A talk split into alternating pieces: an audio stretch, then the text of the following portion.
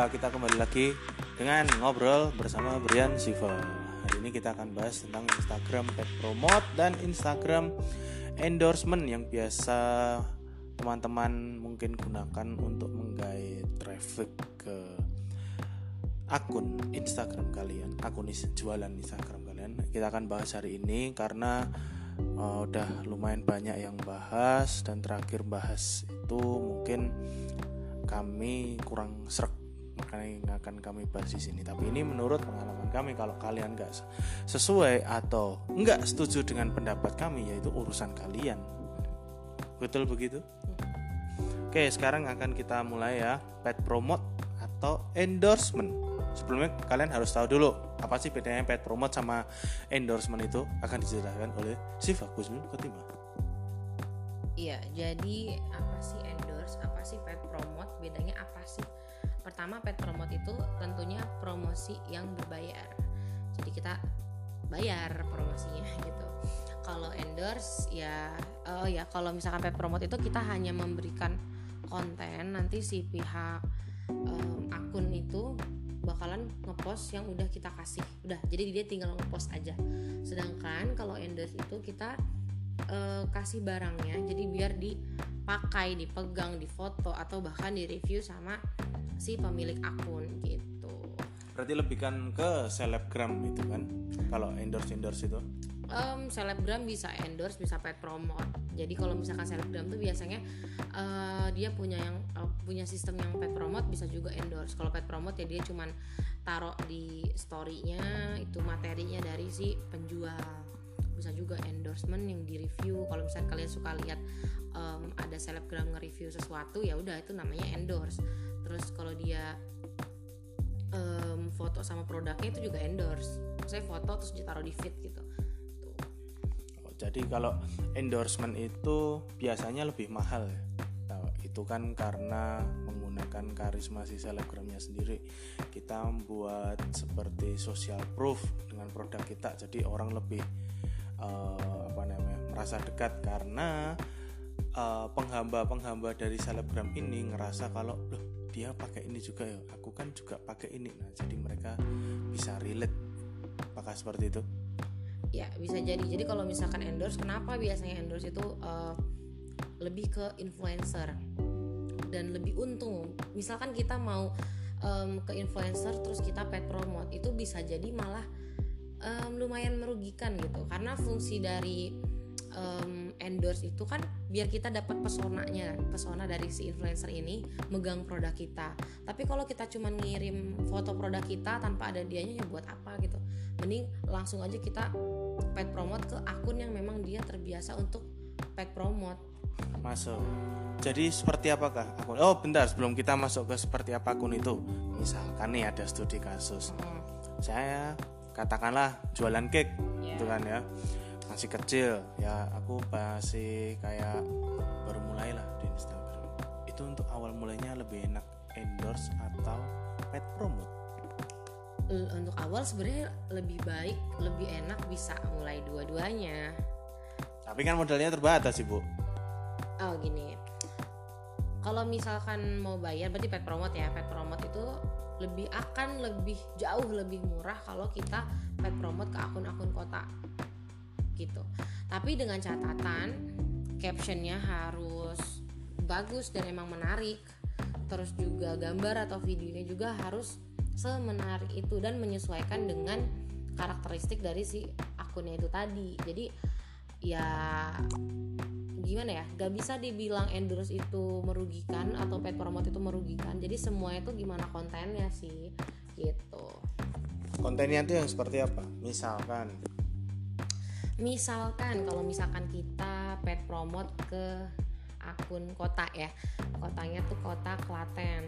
Terus kita jualnya jualan kue. Terus penggunaan bahasa kita guys cobain deh ini enak banget cake nya kayak gitu Kira-kira bakal masuk nggak coba Mas Brian? Tentu tidak. Kalau misal di Klaten mungkin kita coba pakai bahasa atau copywritingnya itu lebih yang mengena di daerah mereka. Jadi kembali lagi seolah-olah kita itu dekat dengan calon customer kita dengan menulis copywriting atau di captionnya itu yang baik. Seperti kalau misal di Klaten nggak mungkin dong pakai gue lo gue lo gue lo. Eh lu beli dong roti cake gue. Anjay orang dari mana lo kalau uh, captionnya ditulis kayak koe aku ataukah atau misalkan lur lur ayo lur tuku lur cake gue enak lur lur. Nah kan itu bisa lebih terasa friendly atau terasa familiar dengan orang-orang yang berada di kota Klaten. Bukankah seperti itu Iya, makanya itu tadi kalau misalkan mau pet promote ya kita menyesuaikan dengan si akunnya itu tadi. Jadi nggak bisa kita nyalahin ah pet promote ngerugiin soalnya pet promote tuh kayak gini kayak gini kayak gini. Jadi kalau misalkan kita mau pet promote pun walaupun kita punya konten yang sangat bagus, itu tetap harus disesuaikan dengan karakteristik dari si akun tersebut. Jadi apa ya? nggak bisa semua kita mau pet promote ke tiga akun nih terus kita samain kontennya semua ya nggak bisa gitu pun e, cara penulisan captionnya. Itu juga nggak bisa sama karena um, kalau kita mau untung katakanlah gini deh. Oke okay, kalau misalkan banyak orang yang bilang pet promote itu lebih baik untuk naikin traffic kan. Jadi kalau misalkan nggak ada bayar ya udah gitu. Nah, masalahnya kalau misalkan tadi kan pertanyaan dengan modal terbatas, otomatis harapan kita bukan sekedar orang ngunjungin tokonya kan, berarti ada buyer gitu, ada yang beli. Nah, tapi kalau misalkan kita udah deh, pokoknya pet promote gini aja yang penting gue udah bikin konten bagus, gue udah bikin uh, captionnya juga bagus, pasti bakalan laku walaupun ini beda-beda akun ya nggak bisa. Ya, bentar, bentar, saya potong dulu. Iya, ini lebih merinci ke yang tentang konten bagus, caption bagus. Itu tuh seperti apa sih? Ciri-cirinya kalau misal oh kontenku bagus itu kan biasanya harus ada ciri-cirinya atau misalnya captionku bagus itu harus ada ciri-cirinya. Salah satu ciri-cirinya yang tadi uh, saya bilang itu kayak misalkan mendekatkan ke customer misal pakai bahasa daerah mereka atau mungkin ada lain itu. Ada lain itu misalkan kan kalau misalkan pet promote itu pet promote yang menguntungkan yang selama ini pernah uh, saya alami pet promote yang si akunnya ini bukan akun influencer ya maksudnya dia akun kota akun gosip atau akun-akun yang memang umum gitu loh.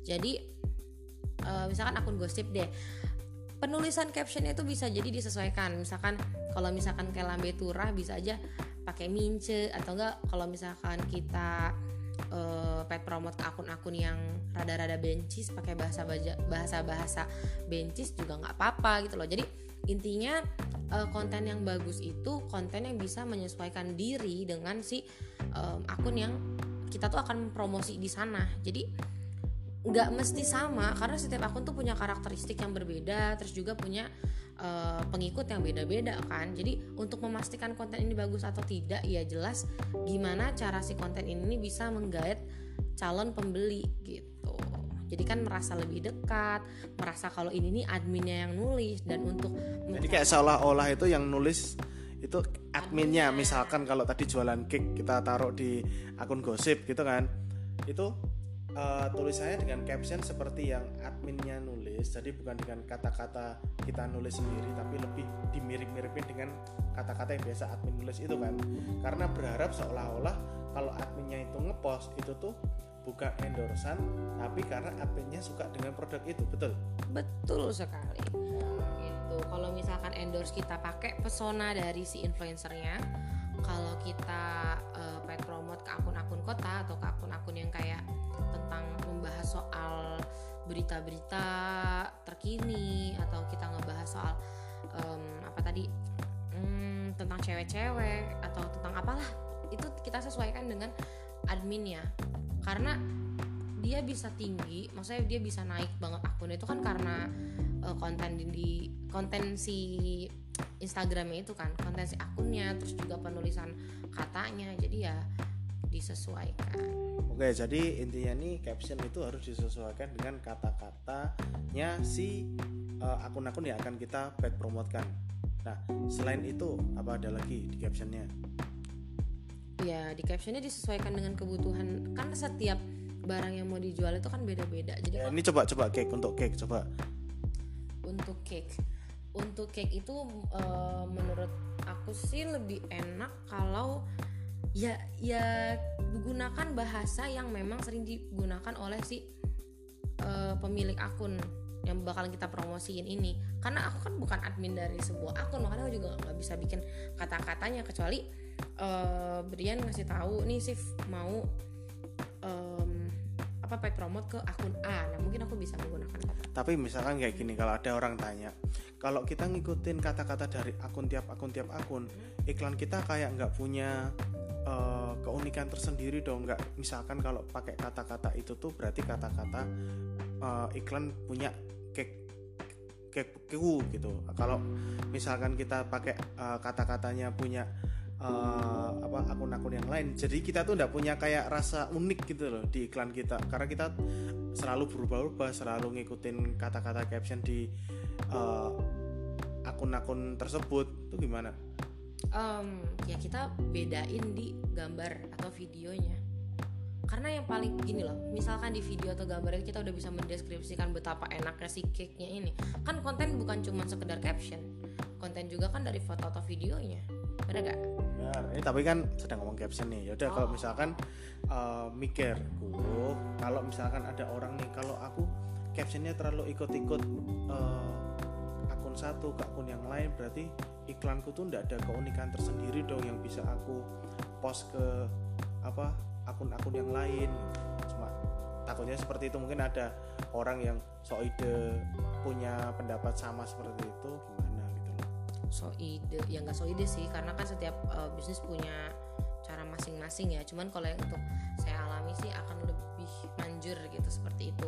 Karena untuk keunikan itu kita bisa branding ya brand kita tuh udah unik gitu loh. Itu gimana ya? Itu tahap lanjutan dari setelah kita paid promote gitu. Tapi kalau saat paid promote lebih baik captionnya itu uh, karena kan kita tujuannya untuk menggait si customer eh si orang-orang yang ada di akun ini gitu. Jadi um, akan lebih baik kalau kita menggunakan bahasa yang memang sesuai dengan si pemilik akun. Oke masuk. Lalu kita lanjut ke yang itu. Tadi katanya konten yang bagus itu caption yang bagus dan ada visual yang bagus. Nah visual yang bagus itu seperti apa visual yang bagus yang bisa mendeskripsikan produk dengan baik. Nggak mesti loh kalau karena kan gini orang-orang tuh uh, nggak nggak orang-orang sih.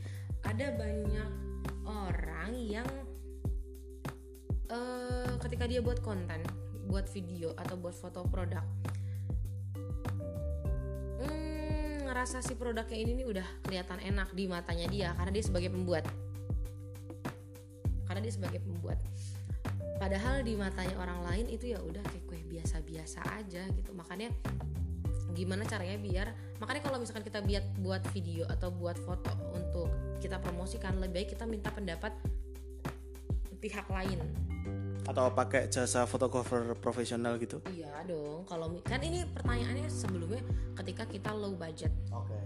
jadi ya udah gunakan se sehebat mungkin. Jangan lupa kalau misalkan makanan jangan pernah foto di lantai karena itu bakalan jadi fatal banget. Kalau misal nggak ada budget bisa bisa dong kita foto pakai handphone sendiri terus kita lihat tutorialnya di YouTube. Kan banyak itu. Gimana sih caranya foto makanan itu biar terlihat lebih enak? Penataannya seperti apa sih? Angle-nya seperti apa sih? Begitu? Ya makanya. Karena kan kita udah bukan zaman batu ya bukan zaman oh gitu. Jadi ya kita bisa cari dan kita bisa belajar apa pun itu. Walaupun uh, kita backgroundnya bukan anak fotografi atau apalah bukan orang yang memang profesional di bidang itu tapi kan intinya ujung-ujungnya juga kita kita mau cari buyer kan jadi akan lebih baik kalau kita juga mempelajari semuanya sendiri. Gitu.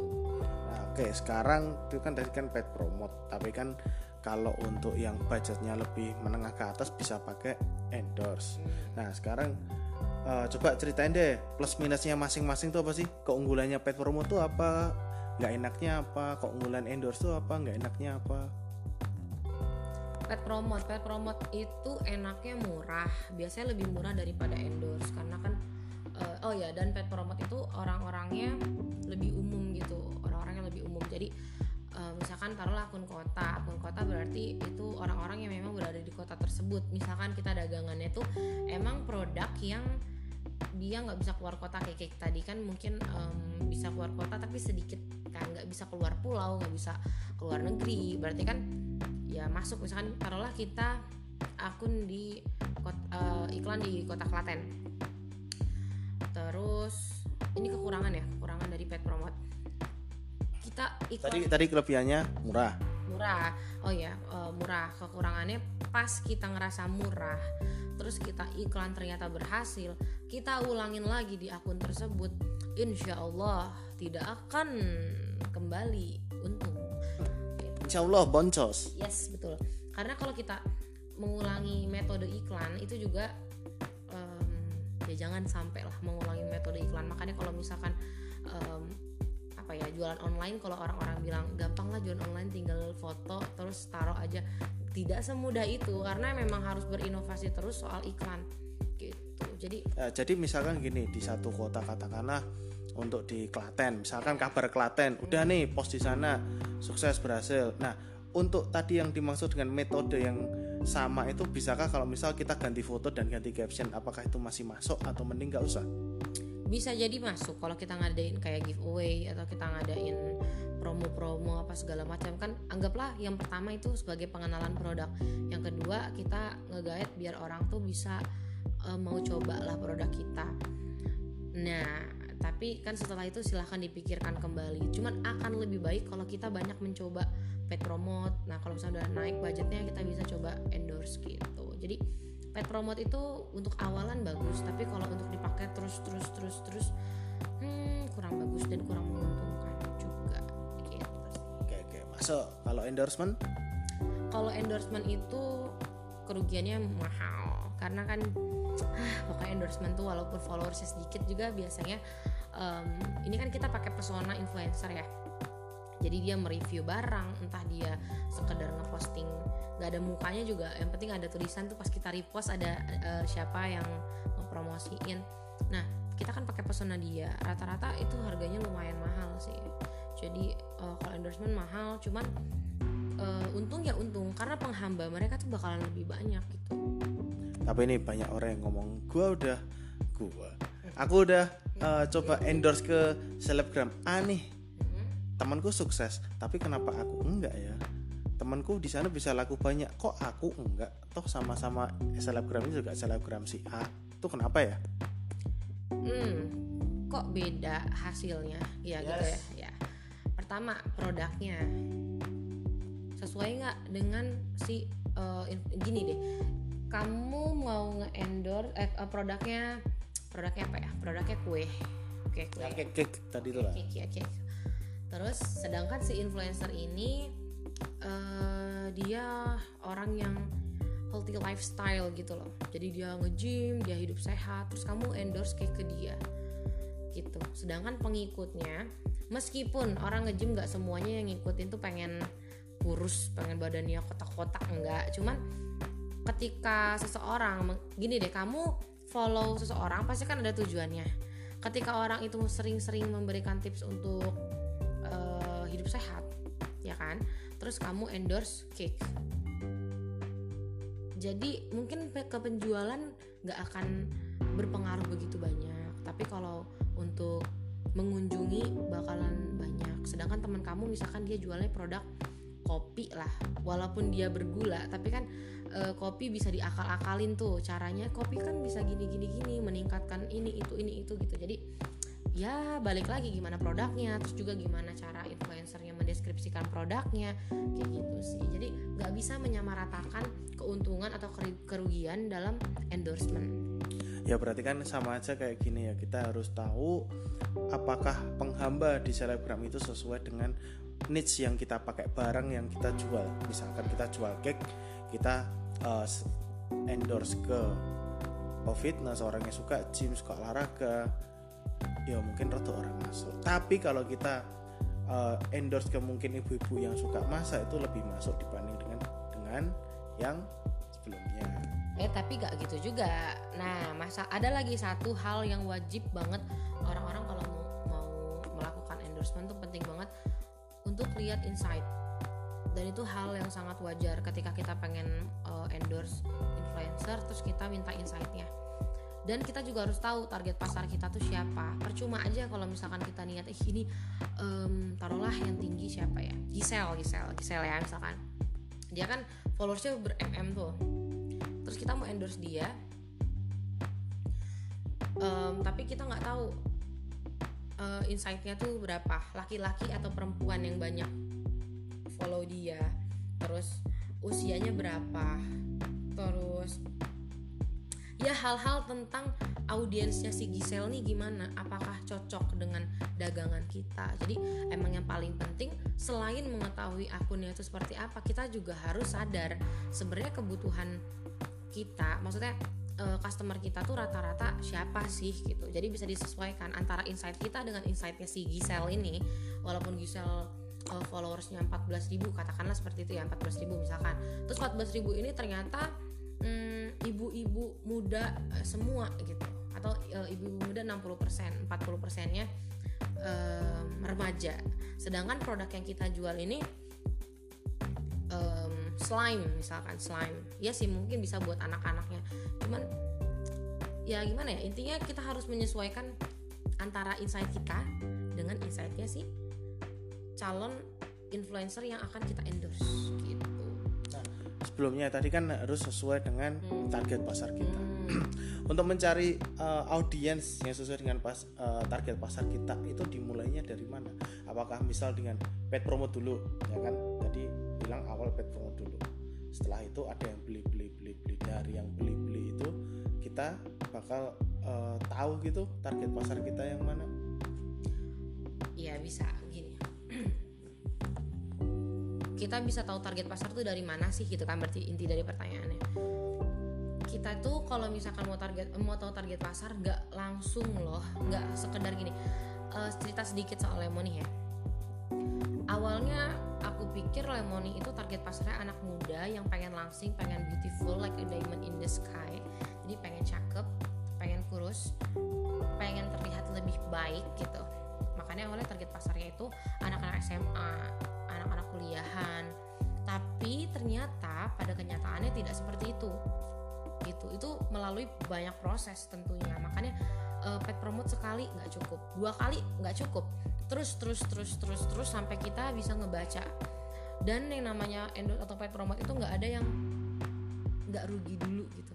Karena kan kita harus belajar. Meskipun uh, teman-teman ngelihat nih uh, banyak gimana ya banyak belajar ke orang-orang yang memang bisnisnya sukses di Instagram dan dia memberikan tips-tips atau kayak uh, Lemoni sendiri ngomong kayak gini ngasih tips-tips-tips tapi itu nggak akan sama hasilnya. Jadi emang harus ngalamin langsung karena setiap produk itu punya karakteristik yang berbeda-beda. Jadi untuk mendapatkan apa ya mendapatkan uh, goals dari gimana sih gitu formula terbaiknya buat endorse atau paid promote ya harus terus-terusan dicoba sampai akhirnya kita tahu target pasarnya. Nah, kalau udah tahu tuh target pasarnya, udah ke sananya gampang deh gitu. Jadi uh, apa ya? Dalam setahun ini ya itu tadi makanya Lemoni bisa alhamdulillahnya bisa mudah untuk gerak gitu ya mau dapat influencer yang tepat itu ya karena dari awal kita coba coba coba coba coba terus gitu. Itu followers Lemoni yang sekarang aja nggak sama sekali nggak dipancing atau nggak beli. Jadi memang itu organik segitu oh, jadi kita harus cari uh, nimbun datanya dulu dari orang-orang beli di pet promote pet promote berkali-kali seperti itu kan. Jadi misalkan saya yang jualan cake nih pet promote di Klaten. Pet promote berkali-kali di area-area di Klaten di akun-akun kota di Klaten setelah beberapa kali promote bakal kelihatan nih benang merahnya. Oh ternyata rata-rata yang beli cakeku itu misalkan anak SMA kelas 2 cewek. Nah setelah kita tahu target pasarnya seperti apa kita bakal bisa lebih berani untuk ke endorsement yang di mana penghamba si, si selebgram ini adalah sesuai dengan karakteristik pembeli kita. Betul seperti itu? Deh siap mantap nah lalu nih ada yang tanya ada yang bilang nih kalau misalkan PP atau endorse rugi nggak apa-apa asal ada traffic masuk ke profil Instagram kita. Nah setelah ada profil uh, setelah ada traffic masuk nanti bakal kita iklankan lagi buat jadi profit ke kita. Menurut Ibu Siva sendiri seperti apa? Kalau misalkan balik lagi ke uh, pertanyaan yang awal, kalau kita tuh lagi low budget karena ya kembali lagi sebagai anak kosan yang merasakan endorse dan paid promote dari nol rupiah. Hmm, ini bisa iya bisa tidak. Kal- kalau gini itu kan berarti ketika kita endorse atau kita pet promote terus kita tarik lagi oh ada yang ngunjungi nih tarik lagi buat konten tarik lagi buat ngiklan. Ya betul? Nah jadi punya banyak proses. Nah sedangkan sedangkan kalau misalkan kita budgetnya kurang otomatis kita bakalan mengharapkan dari si endorse atau pet promote itu. Makanya gimana caranya biar endorse dan pet promote itu nggak sekedar naikin traffic doang tapi ada buyer gitu kan. Tapi rame juga dari awal untuk pet promote dan endorse kita harus amat sangat teliti. Jadi emang cara ini bisa cuman kalau misalkan eh, untuk mengantisipasi itu lebih baik ada penjualan ditambah kita harus memperbaiki konten. Jadi ketika kita habis em, endorse misalkan gini deh kita habis endorse atau habis pet promote itu nggak boleh banget sampai story Instagram story em, akun jualan kita tuh kosong. Kenapa? Karena kita bakalan tahu kira-kira yang yang ngeklik storynya itu ada berapa sih? Gitu. Meskipun di insight tuh kita ketahuan kan ada berapa yang mengunjungi cuman kan buat tahu lebih jauh misalkan ada yang ngeklik storynya tuh ada berapa itu kan lebih enak. Jadi itu bisa jadi eh, alternatif kalau misalkan mengantisipasi mengantisipasi dari eh, keboncosan itu tadi. Nah makanya harus teliti mau pet promote ke akun mana dari awal banget. Mau ke akun mana endorse mau ke siapa terus cara penulisannya gimana. Kembali lagi kayak tadi ya yang strategi untuk pet promote tadi itu ya. Ya betul. Karena dan untuk mempelajari strategi-strategi kayak gitu juga mungkin banyak yang udah ngasih tips-tipsnya. Jadi ya lebih baik kita mengantisipasi dengan teliti memilih di awal. Setelah itu ya jadi jangan jangan pernah ngegampangin gitu loh. Jadi ya udahlah pet promote aja cuman naikin traffic eh traffic doang ini. Ya udahlah endorse aja ke siapa kayak yang penting naikin eh, cuma naikin traffic ini doang gitu loh. Sedangkan kan kita tujuannya buat ada buyer. Kalau misalkan kita oper oper oper oper oper maksudnya gini kita pet promote abis itu kita perbaiki konten abis itu kita iklanin betul kan? Maksudnya tadi kayak gitu? Nah kalau misalkan kayak gitu berarti eh, modalnya lebih gede dong? Ya mau duit dua kali Nah, oke lah kalau misalkan untuk perusahaan yang sudah besar yang memang punya modal banyak, sedangkan kalau misalkan masih kecil-kecil, ya untuk apa? Bisa jadi nih endorse juga bisa loh kalau kita punya temen yang memang influencer, terus kita kasih aja produknya di review deh kayak gitu kayak gitu. Jadi nggak sebenarnya endorse atau pet promote itu nggak mesti mahal, kita bisa ngakal-ngakalin gitu. oke sekarang untuk pertanyaan terakhir nih udah mau setengah jam. Nggak kerasa ya. Eh, budget maksimal untuk awal-awal buat pet promote atau endorse itu gimana sih? Berapa gitu? Budget maksimal, budget itu menyesuaikan dari modal dong. ya katakanlah modal saya itu buat ngiklan 100.000 ribu. Hmm. itu apa masuk? Bisa segitu untuk awal-awal. Dan bisa balik modal nggak sih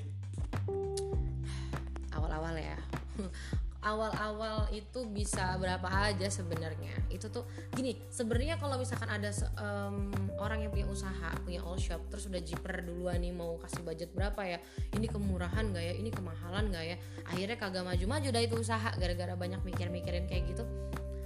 Kalau aku pribadi sih untuk endorse atau pet promote mending targetin dulu. Setelah itu tanyain tuh semuanya minta insightnya tanyain semuanya habis itu baru deh kita eh, sesuaikan dengan budget kita gitu. Tanyain gimana maksudnya? Tanya tanya harganya berapa insightnya kayak gimana apakah sesuai dengan kebutuhan kita. Terus kalau budgetnya 100 ya udah kita sesuaikan dengan budget. Kalau misalkan ada akun yang kita bidik tapi nggak sesuai ya terserah mau nabung boleh mau nggak juga ya udah. Tapi kalau untuk nyoba-nyoba mending cobalah. Biasanya akun-akun yang di bawah 200 ribu itu harganya masih wah, kalau di Solo sih ya harganya tuh masih di bawah em, 100 ribu gitu. Kalau di atas em, kalau followersnya di atas 200 ribu mungkin bisa lebih tapi kalau 200 ribuan dia masih di bawah 100 ribu sih harganya. Gitu. Jadi murah sih sebenarnya. Terus kalau misalkan kita emang nggak ada budget bisa juga minta tolong temen. Ya banyak cara gitu loh. Tanpa bayar bisa. Jadi untuk endorse atau paid promote itu gimana kecerdikan kita membuat konten membuat caption terus juga cara kalau misalkan endorse ya cara si influencer menyampaikan betapa enaknya kue kita atau produk kita. Jadi nggak mesti cantik nggak mesti dia kayak gimana ya nggak mesti dia cantik nggak mesti dia nggak mesti fisiknya menarik gitu. Nggak mesti. Kenapa? Karena akan lebih menarik ketika orang gini ketika kita ngelihat cewek cantik. Cantik nih dia set. Oke okay, bawa produknya. Udah kita bakalan oh ya si cantik ini menggunakan produk ini. Tapi ketika ada orang walaupun dia nggak cantik tapi dia bisa mendeskripsikan dengan baik produknya ini itu bakalan lebih menarik banyak customer. Karena customer itu butuh pengertian tentang si produk bukan kecantikan dari si um, orang yang kita berarti ini bukan tentang fisik tapi masalah pembawaan orangnya Iya. karakter orangnya itu menarik atau enggak Nah, makanya untuk mendapatkan itu juga kita perlu observasi gitulah ya. Jadi kita harus tahu dulu influencernya itu seperti apa. Jadi nggak sekedar dia cantik akhirnya kita endorse cantik endorse cantik endorse enggak gitu karena masalah endorse itu nggak sekedar cantik nggak sekedar dia followersnya banyak enggak ada yang follow karena hmm, ini berdasarkan pengalaman ya. Eh, Lemoni juga berkali-kali gagal berkali ya sempet boncos sejujurnya karena mempelajari endorse ini nggak eh, nggak ada teori pastinya gitu. Nggak ada kalau misalkan ada buku soal ilmu pasti endorse mungkin nggak ada lagi ceritanya em, apa ya orang-orang yang jualan di Instagram tuh ngasih tips-tips mungkin nggak ada. Kenapa? Karena ya udah ada ilmu pastinya kok gitu tinggal pakai aja formulanya. Tapi tidak semudah itu makanya ya intinya Instagram itu nggak mesti kalau influencer yang nggak mesti cantik nggak mesti dia followersnya banyak karena ada yang followersnya banyak tapi karena pembawaan dia untuk mendeskripsikan produk ini kurang kurang jelas kurang menarik akhirnya produk ini ya nggak ada yang beli sama sekali. Bahkan trafficnya pun nggak ada. Atau karena saking seringnya dia promosi banyak banget nih dia promosi ya udah nggak ada yang tertarik sama produk kita. Gitu. Jadi memang perlu observasi. Gitu. Oke itu tadi tentang gimana sih caranya paid promote tipsnya paid promote dan endorse itu seperti apa dari Mbak Siva dan Mas Brian. Mungkin sekian dulu aja kalau ada yang mau tanya-tanya atau mau ngasih saran Mas besok kalau apa bikin podcast yang lebih niat lagi bisa atau mau request topik apa bisa silakan DM saja. Thank you